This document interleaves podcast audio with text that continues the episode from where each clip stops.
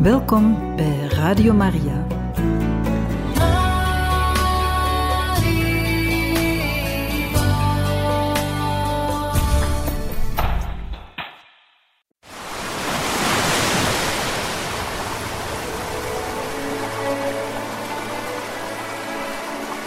Welkom bij Radio Maria. Dit is het programma De Rots in de Branding. Uw presentator Jos de Kok.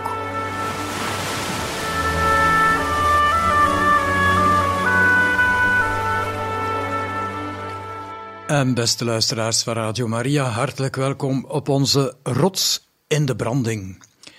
Wat dachten jullie om eens op bezoek te gaan bij een heel bijzonder persoon, een echte rots in de branding? En in een tijd waarop volop branding heerste. En daarvoor moeten we naar de overgang 19e, 20e eeuw in Mexico. En we wenden, we wenden ons naar de stad Cotilla de la Paz in de Mexicaanse staat Michoacán.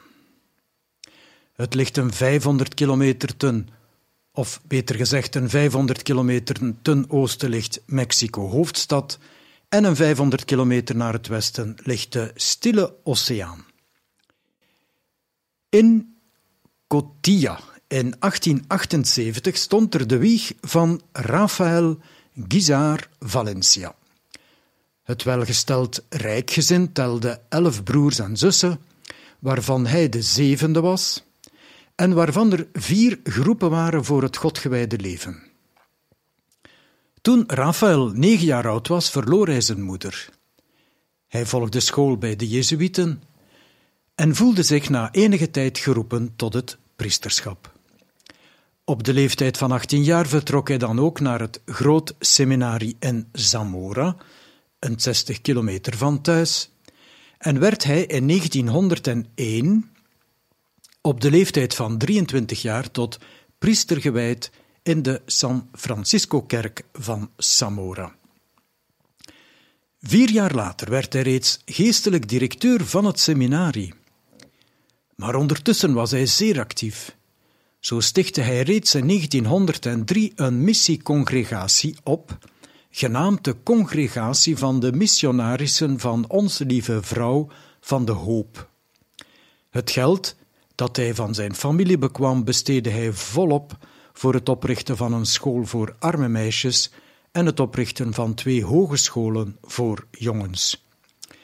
Maar deze zouden zeer snel ontbonden worden door de revolutionaire regeringen. We komen daar later volop op terug. Pater Rafael Guizar Valencia had van bij aanvang een zeer grote liefde voor het missiewerk omdat hij een gave bezat om mensen te benaderen. En zo bekwam hij snel een bijnaam, de bijnaam van Vadertje die de harten ontroert.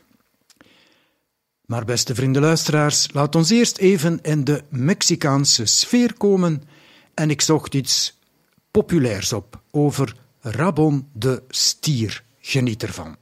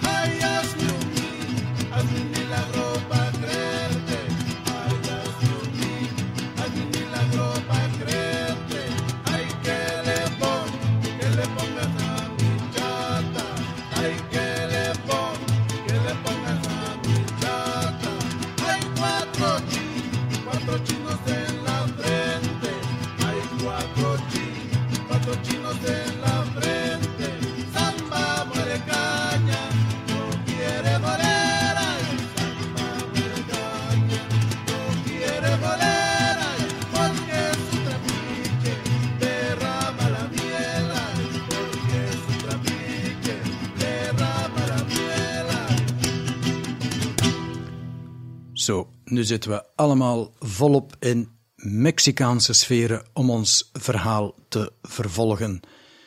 Maar zo'n gezellige sfeer zal het niet blijven. Pater Rafael Guizar Valencia werd dus zeer snel als jonge priester geestelijk directeur van het seminarie in de stad Zamora en richtte er een school op voor arme meisjes en twee scholen voor jongens. Maar vooral bezat hij een zeer grote liefde voor het missiewerk en richtte tevens de congregatie van de missionarissen van Onze Lieve Vrouw van de Hoop op.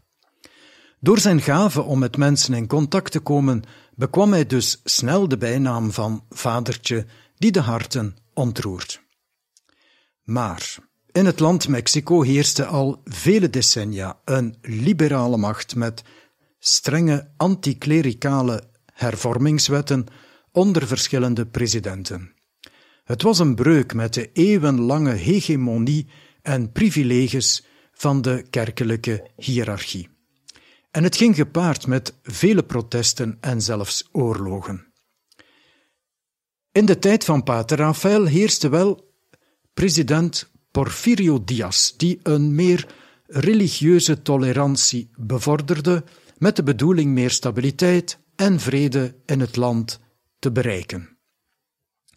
Maar vanaf 1910 brak dan de Mexicaanse revolutie uit, gekenmerkt door verschillende socialistische, anarchistische en liberale bewegingen tegen het bewind van Porfirio Diaz. En uiteraard met het terugkeren van een heel strenge anti-klerikale politiek die steeds agressiever werd. Zo werd bijvoorbeeld de stad Zamora overrompeld door de revolutionairen, waarbij de burgemeester zelfs de hulp inriep van pater Rafael om te bemiddelen met deze revolutionairen. Ik ga er wel niet dieper op in. Maar het geeft zowat de omkadering weer waarin de kerk zich bevond. Maar Pater Rafael bleef niet stilzitten en richtte toch in 1911 een religieuze krant uit, La Nation, op aanvraag van zijn toenmalige aartsbisschop. Een van de doelstellingen was het verdedigen van de katholieke kerk. En daarvoor reisde hij eerst door gans het land om donaties te verzamelen, tot hij voldoende geld had ingezameld om een drukpers te kunnen kopen en aan de slag te gaan. In 1912 werd hij benoemd tot kanunik van de kathedraal van de stad Zamora, maar hij kon er door de revolutionaire omstandigheden niet geraken, want op dat ogenblik verbleef hij in Mexico-hoofdstad, waar, hij de, waar de tragische tiendaagse was uitgebroken. Een periode van hevige gevechten waarbij duizenden burgers om het leven kwamen. En als vadertje die de harten ontroert, deed hij alles om het leed te verzachten. Zo vermomde hij zich, zoals vermeld als een El Catrin. Het is een als een dandy-achtige heer, een elegant, goed geklede heer. Dus zeker uiteindelijk niet als priester, om al zo beter de gewonden en stervenden bij te staan. En zo verbleef Pater Rafael zelfs twee jaar onder de troepen van revolutionair Emiliano Zapata, een van de hoofdrolspelers in deze Mexicaanse revolutie.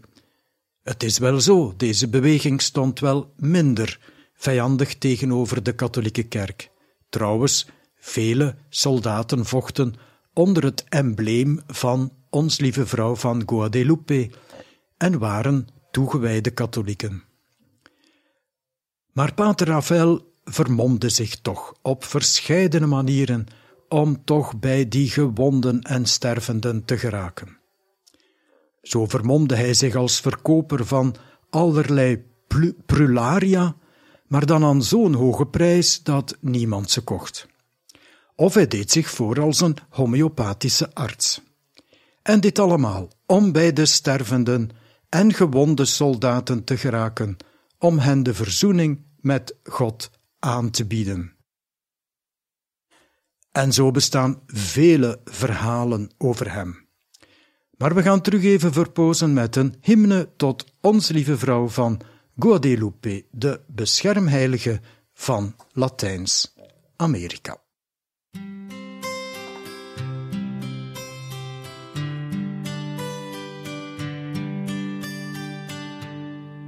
You are the fountain of my life. Under your shadow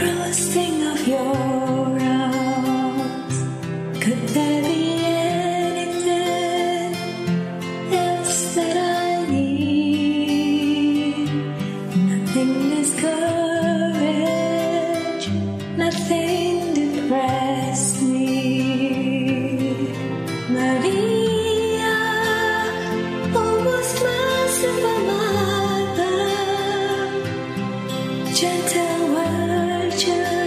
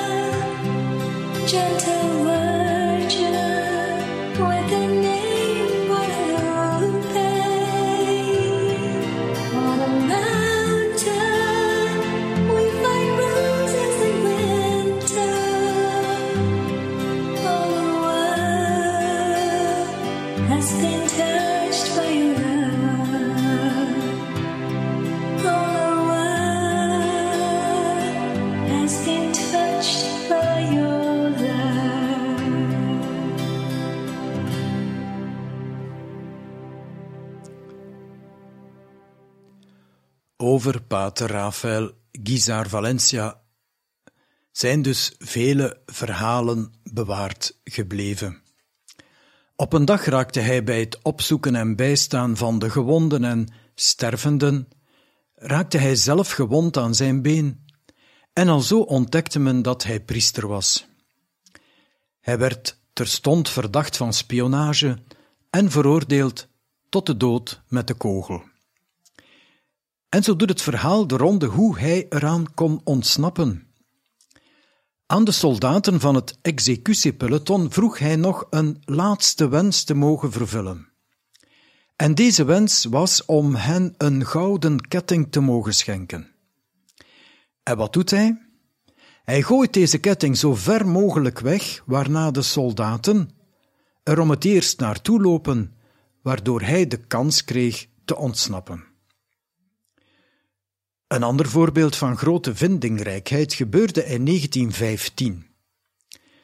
Er was een arrestatiebevel tegen hem uitgevaardigd, en zo werd er naarstig door de politie naar hem gezocht om hem te arresteren. En zo is er het verhaal waarbij de politie een huis binnenviel, waar pater Raphaël, maar als leek verkleed, deelnam aan een lunchmaaltijd waarvoor hij was uitgenodigd. En hij deed zich onmiddellijk voor als de gastheer, om te bemiddelen met de politie. En hij stelde de politie voor dat elke aanwezige gast om beurt zich zou identificeren om al zo de priester te vinden waar ze naar op zoek waren. Wanneer iedereen zich had geïdentificeerd en de politie klaar was met hun onderzoek, verlieten ze de woning, maar vergaten hemzelf te vragen zich ook te identificeren. En al zo ontsnapte pater Rafael voor de zoveelste maal. Zo is er nog een ander verhaal. Op een dag werd hij terug gearresteerd in de Mexicaanse stad Puebla op verdenking van een priester te zijn. En als laatste wens vroeg hij om nog iets te mogen eten.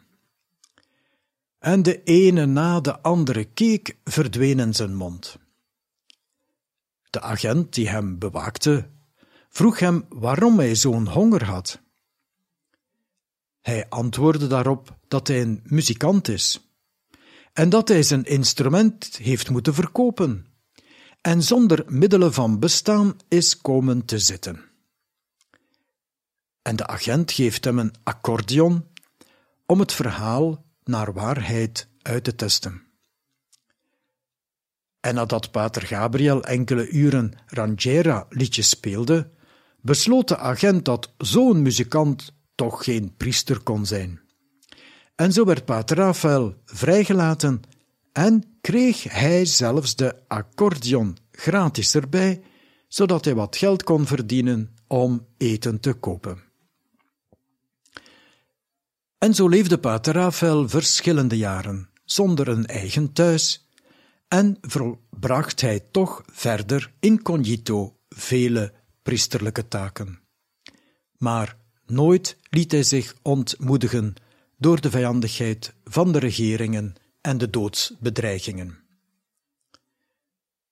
Maar toch, in 1916 zaten de autoriteiten hem zo dicht op de hielen dat pater Rafael dan toch Mexico moest ontvluchten, eerst naar de Verenigde Staten en vervolgens naar Guatemala, waar hij een jaar lang al predikend missioneerde en toezag op de opening van verschillende missies.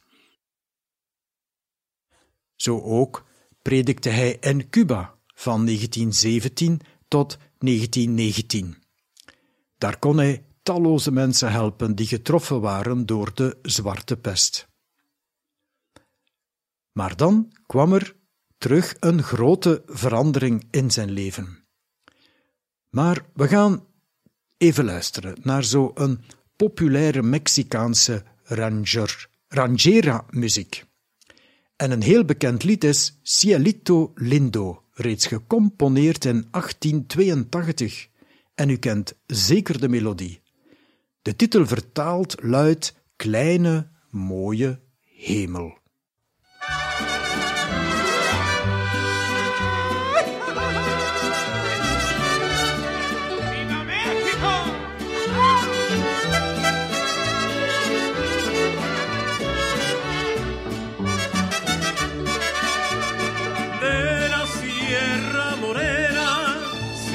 Lindo, vienen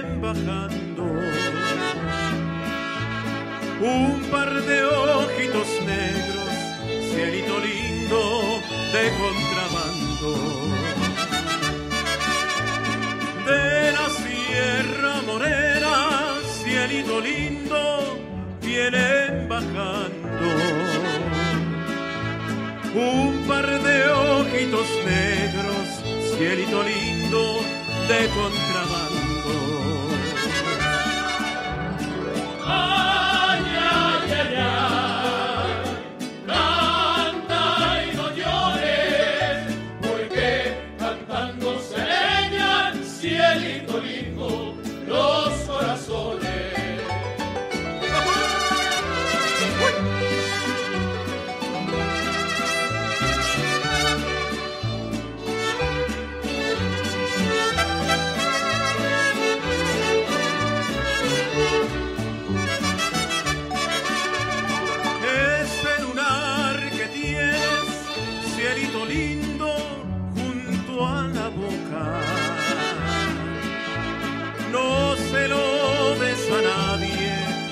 Cielito lindo, que a mí me toca.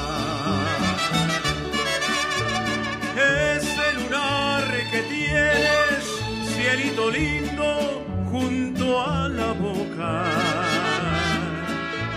No se lo des a nadie, cielito lindo, que a mí me toca.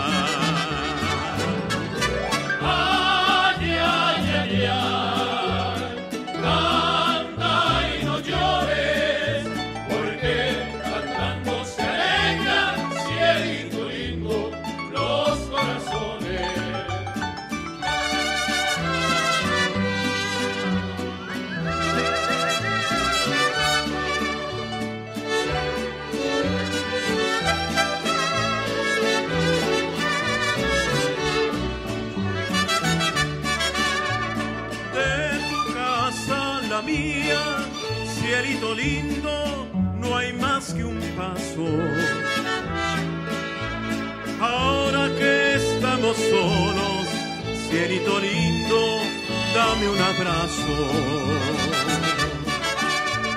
De tu casa la mía, cielito lindo, no hay más que un paso.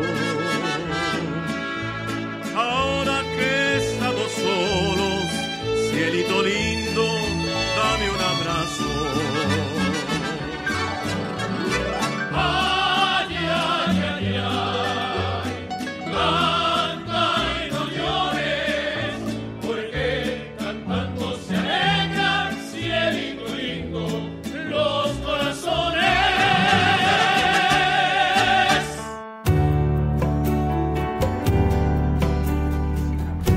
Welkom bij Radio Maria.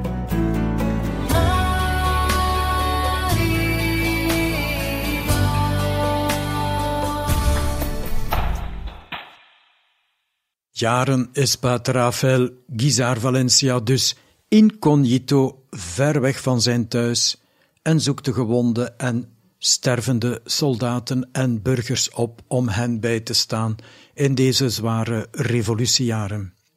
Uiteindelijk moet hij Mexico toch ontvluchten, eerst naar de Verenigde Staten, gevolgd door missiewerk in Guatemala en Cuba.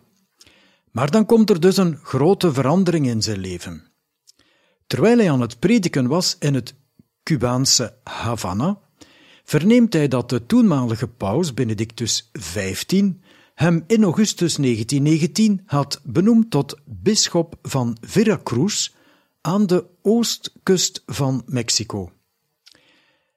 En zo werd hij dan toch al gewijd op 30 november 1919, maar dan niet in Mexico, maar in de Sint-Christoffel-kathedraal van Havana. En het is dan pas een twee maand later, in januari 1920, dat we hem dan toch terugvinden in het Mexicaanse Veracruz.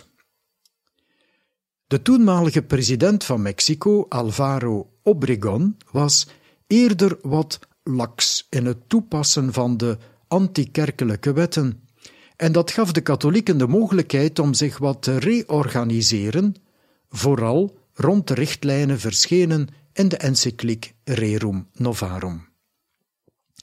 En zo kon, bijvoorbeeld, bisschop Rafael Guizar het oude diocesane seminarie van Veracruz herstellen en terug in gebruik nemen. Maar zo lang zou deze rustiger periode spijtig genoeg niet duren. Een vier jaar later kwam president Plutarco Elias Calles aan de macht en vaardigde weer antikerkelijke wetten uit. Dit leidde bijvoorbeeld tot de uitzetting van buitenlandse priesters, de sluiting van openbare scholen en ziekenhuizen, vervolging van de oppositiepers en regulering van het aantal priesters. De kerkelijke autoriteiten lieten zich echter niet doen en reageerden met een staking van de openbare erediensten die begon op 31 juli 1926. Katholieken begonnen zich te organiseren, aanvankelijk op een vreedzame wijze, door middel van communiqués, onder leiding van een nationale liga voor de verdediging van de godsdienstvrijheid. Maar toen dit niet het gewenste resultaat opleverde, namen velen onder hen de wapens op, vooral in de centrale en westelijke regio's van Mexico. En dit betekende het begin van wat genoemd wordt de Cristero-oorlog, een bloedige confrontatie met de staat. Maar bisschop Rafael Guizar sloot zich nooit aan bij deze gewapende strijd. Er volgden weer vele jaren van vervolging en exil. Gedurende vijftien jaar onderduiking begeleidde de brave bisschop verder onder andere zijn studenten-seminaristen in het geheim. Zo richtte hij ook in zijn bisdom in het geheim 300 centra op, waar de Eucharistie werd bewaard ter aanbidding en waar de gelovigen de communie toch konden ontvangen. Een ware ondergrondse kerk. En zo gebeurde het volgende. De politie zocht hem actief op om hem terecht te stellen en chanteerden hem met het martelen van zijn neef. Deze lieten ze dan vrij, zodat hij zijn oom bisschop Raphaël kon gaan waarschuwen dat ze hem als represaille zullen neerschieten als hij zich niet overgeeft. De politie bedreigde ook zijn broer Prudencio met gevangenschap, samen met zijn vrouw en dochters. Bisschop Raphaël besloot toen om zichzelf aan te geven bij de minister van Binnenlandse Zaken, Adalberto Tejeda. Maar hij deed dat op zijn manier. Hij stapte als een wervelwind regelrecht het paleis van de gouverneur binnen en liep zomaar naar zijn kantoor en trad er binnen. Minister Tejeda vreesde echter een opstand die het doden van zo'n man zou veroorzaken. Gevolg: de minister herriep wel het doodvonnis, maar de bisschop moest kiezen tussen opsluiting of ballingschap of toch begraven worden. En zo vinden we vanaf 23 mei 1927 bisschop Rafael Guizar Valencia 49 jaar oud, terug in ballingschap in de missieposten in de Verenigde Staten, Cuba en Colombia. En we gaan luisteren naar twee muziekfragmenten uit de film La Cristiada over deze Cristero-oorlog in Mexico. Entre la luz e, e el pecado tussen licht en zonde en een tweede muziekstukje Christeros.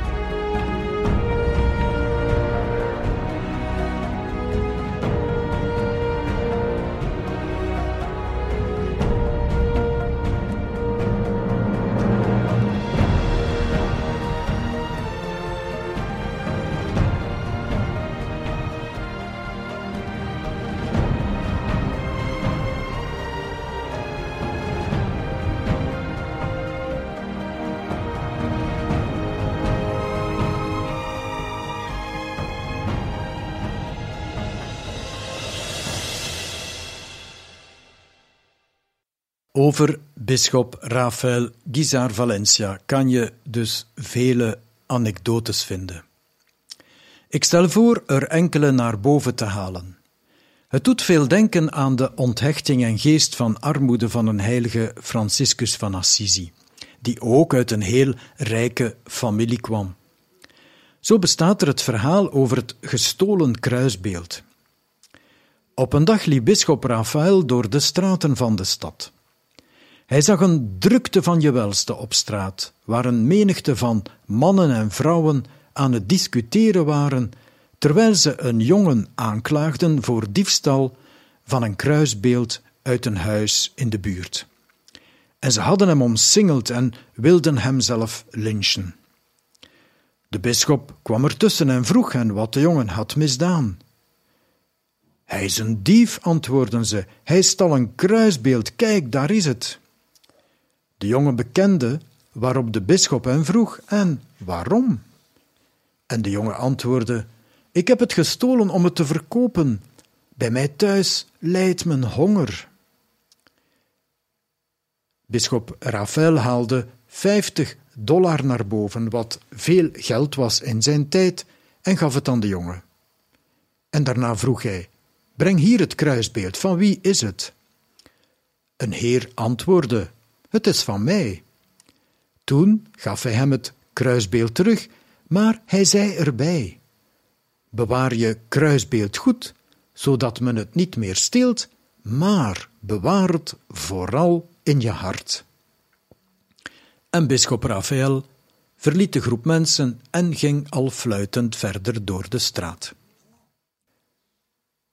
Bisschop Raphaël woonde in zijn bisschoppelijk huis met Don Vicentito, een lieve en aardige oude man totaal ten dienste van zijn bisschop. Hij opende de deur, deed de boodschappen, bediende de tafel enzovoort.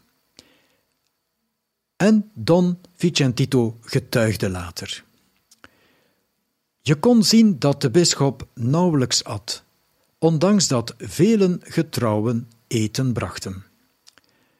Wat hij het lekkerste vond waren druiven en pindas.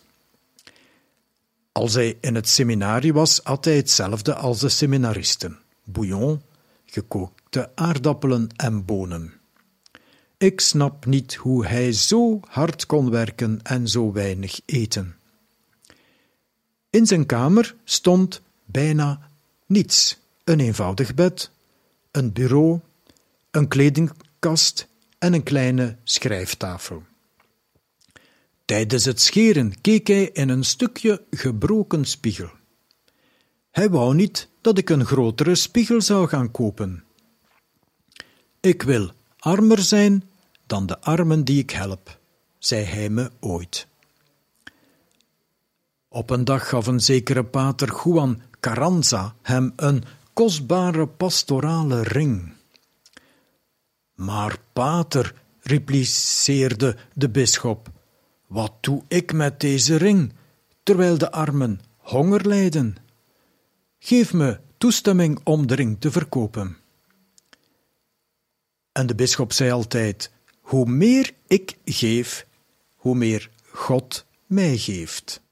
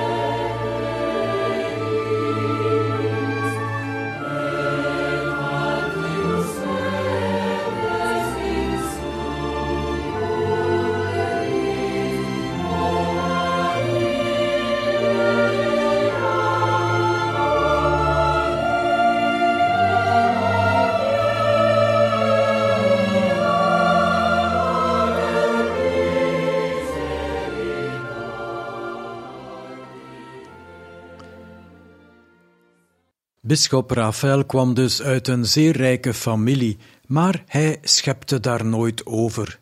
Integendeel gaf hij als antwoord als iemand daarop een opmerking maakte.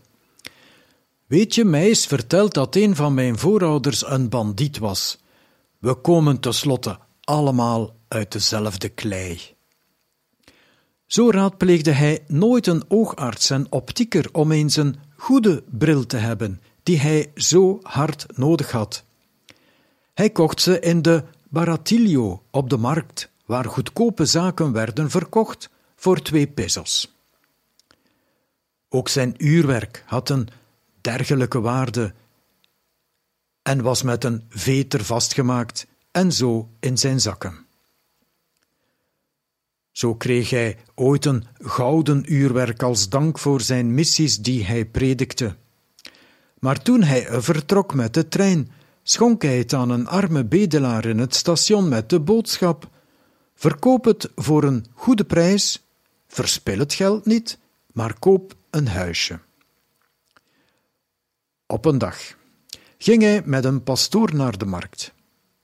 Hij kocht graag zelf de boodschappen voor het seminarie en koos zelf de groenten en fruit uit.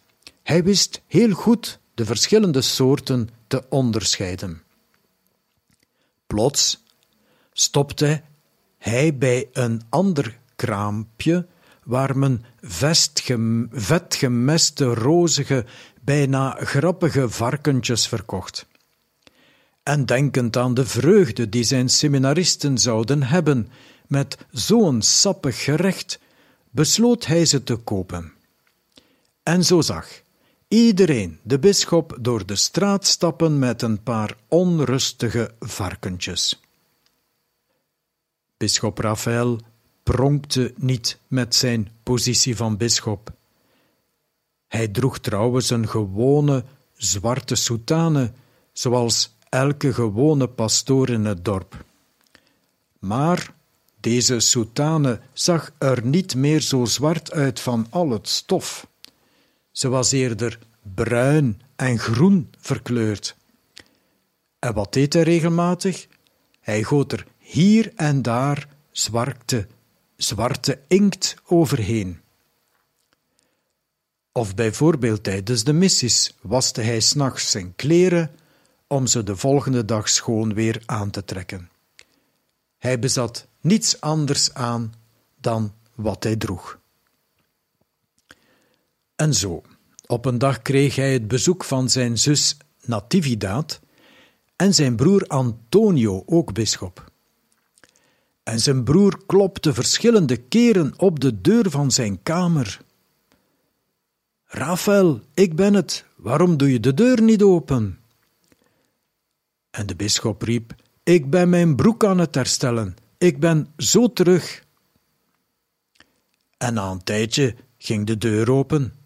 En wat waren broer en zus verwonderd en eigenlijk eens zo blij om hem zo goed gekleed te zien die dag. Wat een wonder dat je eens een mooi pak hebt gekocht, Rafael. Dat had je echt eens nodig. Maar de bisschop antwoordde terstond: Denk je nu echt dat ik het gekocht heb? De zusters die het Franse ziekenhuis runnen, gaven het me cadeau. Het was van een man die daarnet gestorven was.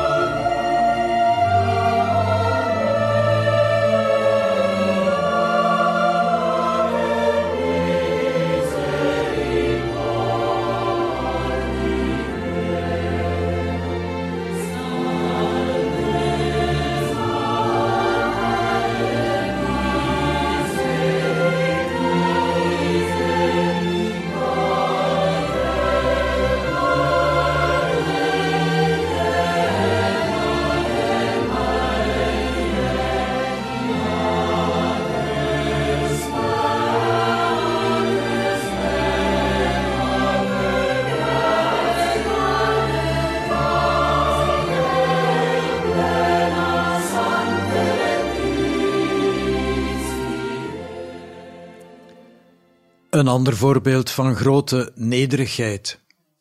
Bisschop Raphaël had de gewoonte één tot twee keer per week te gaan bichten. Zo stapte hij op een dag een parochiekerk binnen. De koster was er bezig vazen te schikken, maar had hem niet herkend. Ik wil graag bij de pastoor gaan bichten, zei de bisschop. Ja, merkte de koster op, maar hij is nu aan het lunchen. Val hem dan niet lastig, ik wacht hier tot hij klaar is.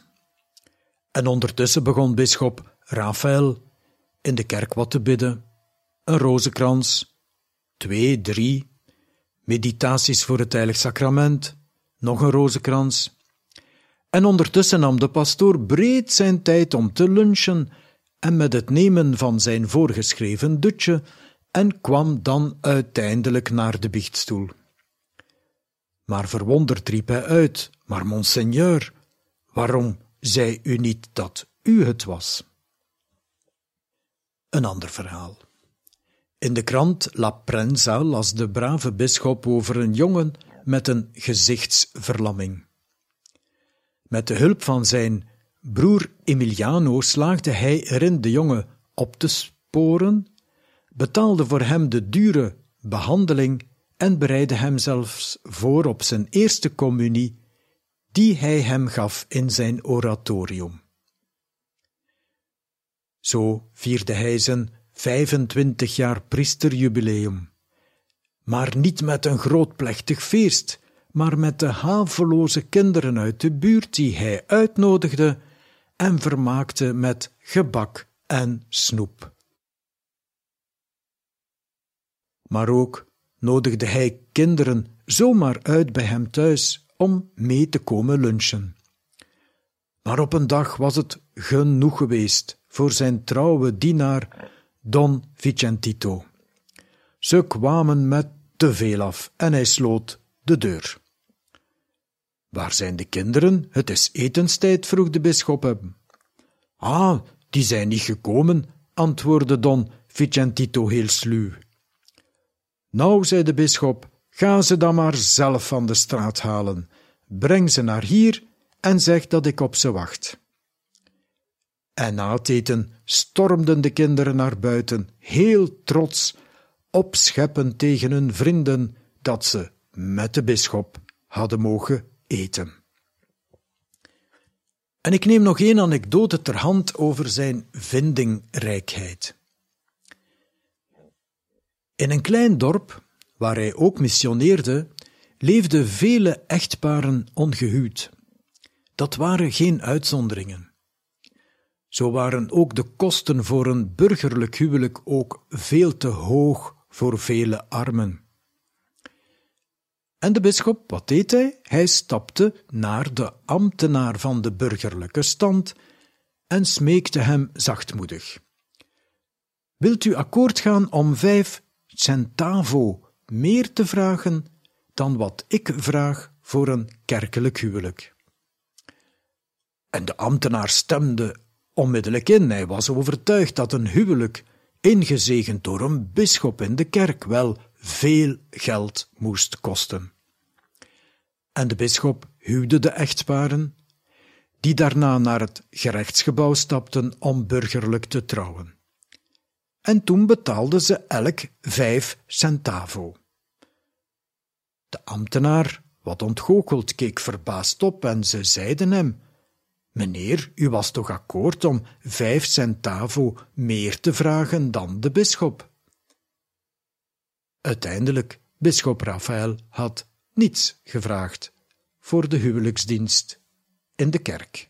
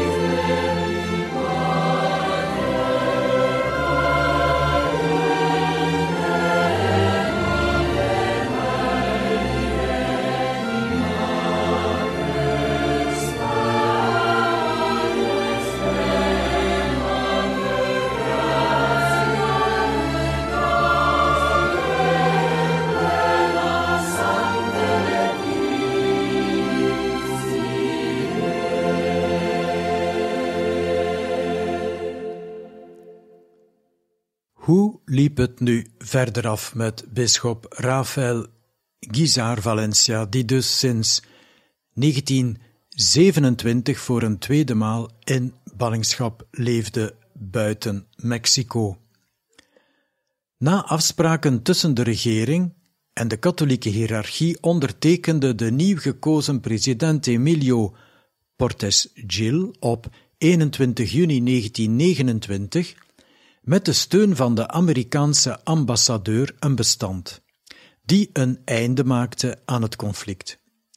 Amnestie voor de strijders werd gegarandeerd, evenals de teruggave van kerken en pastorieën.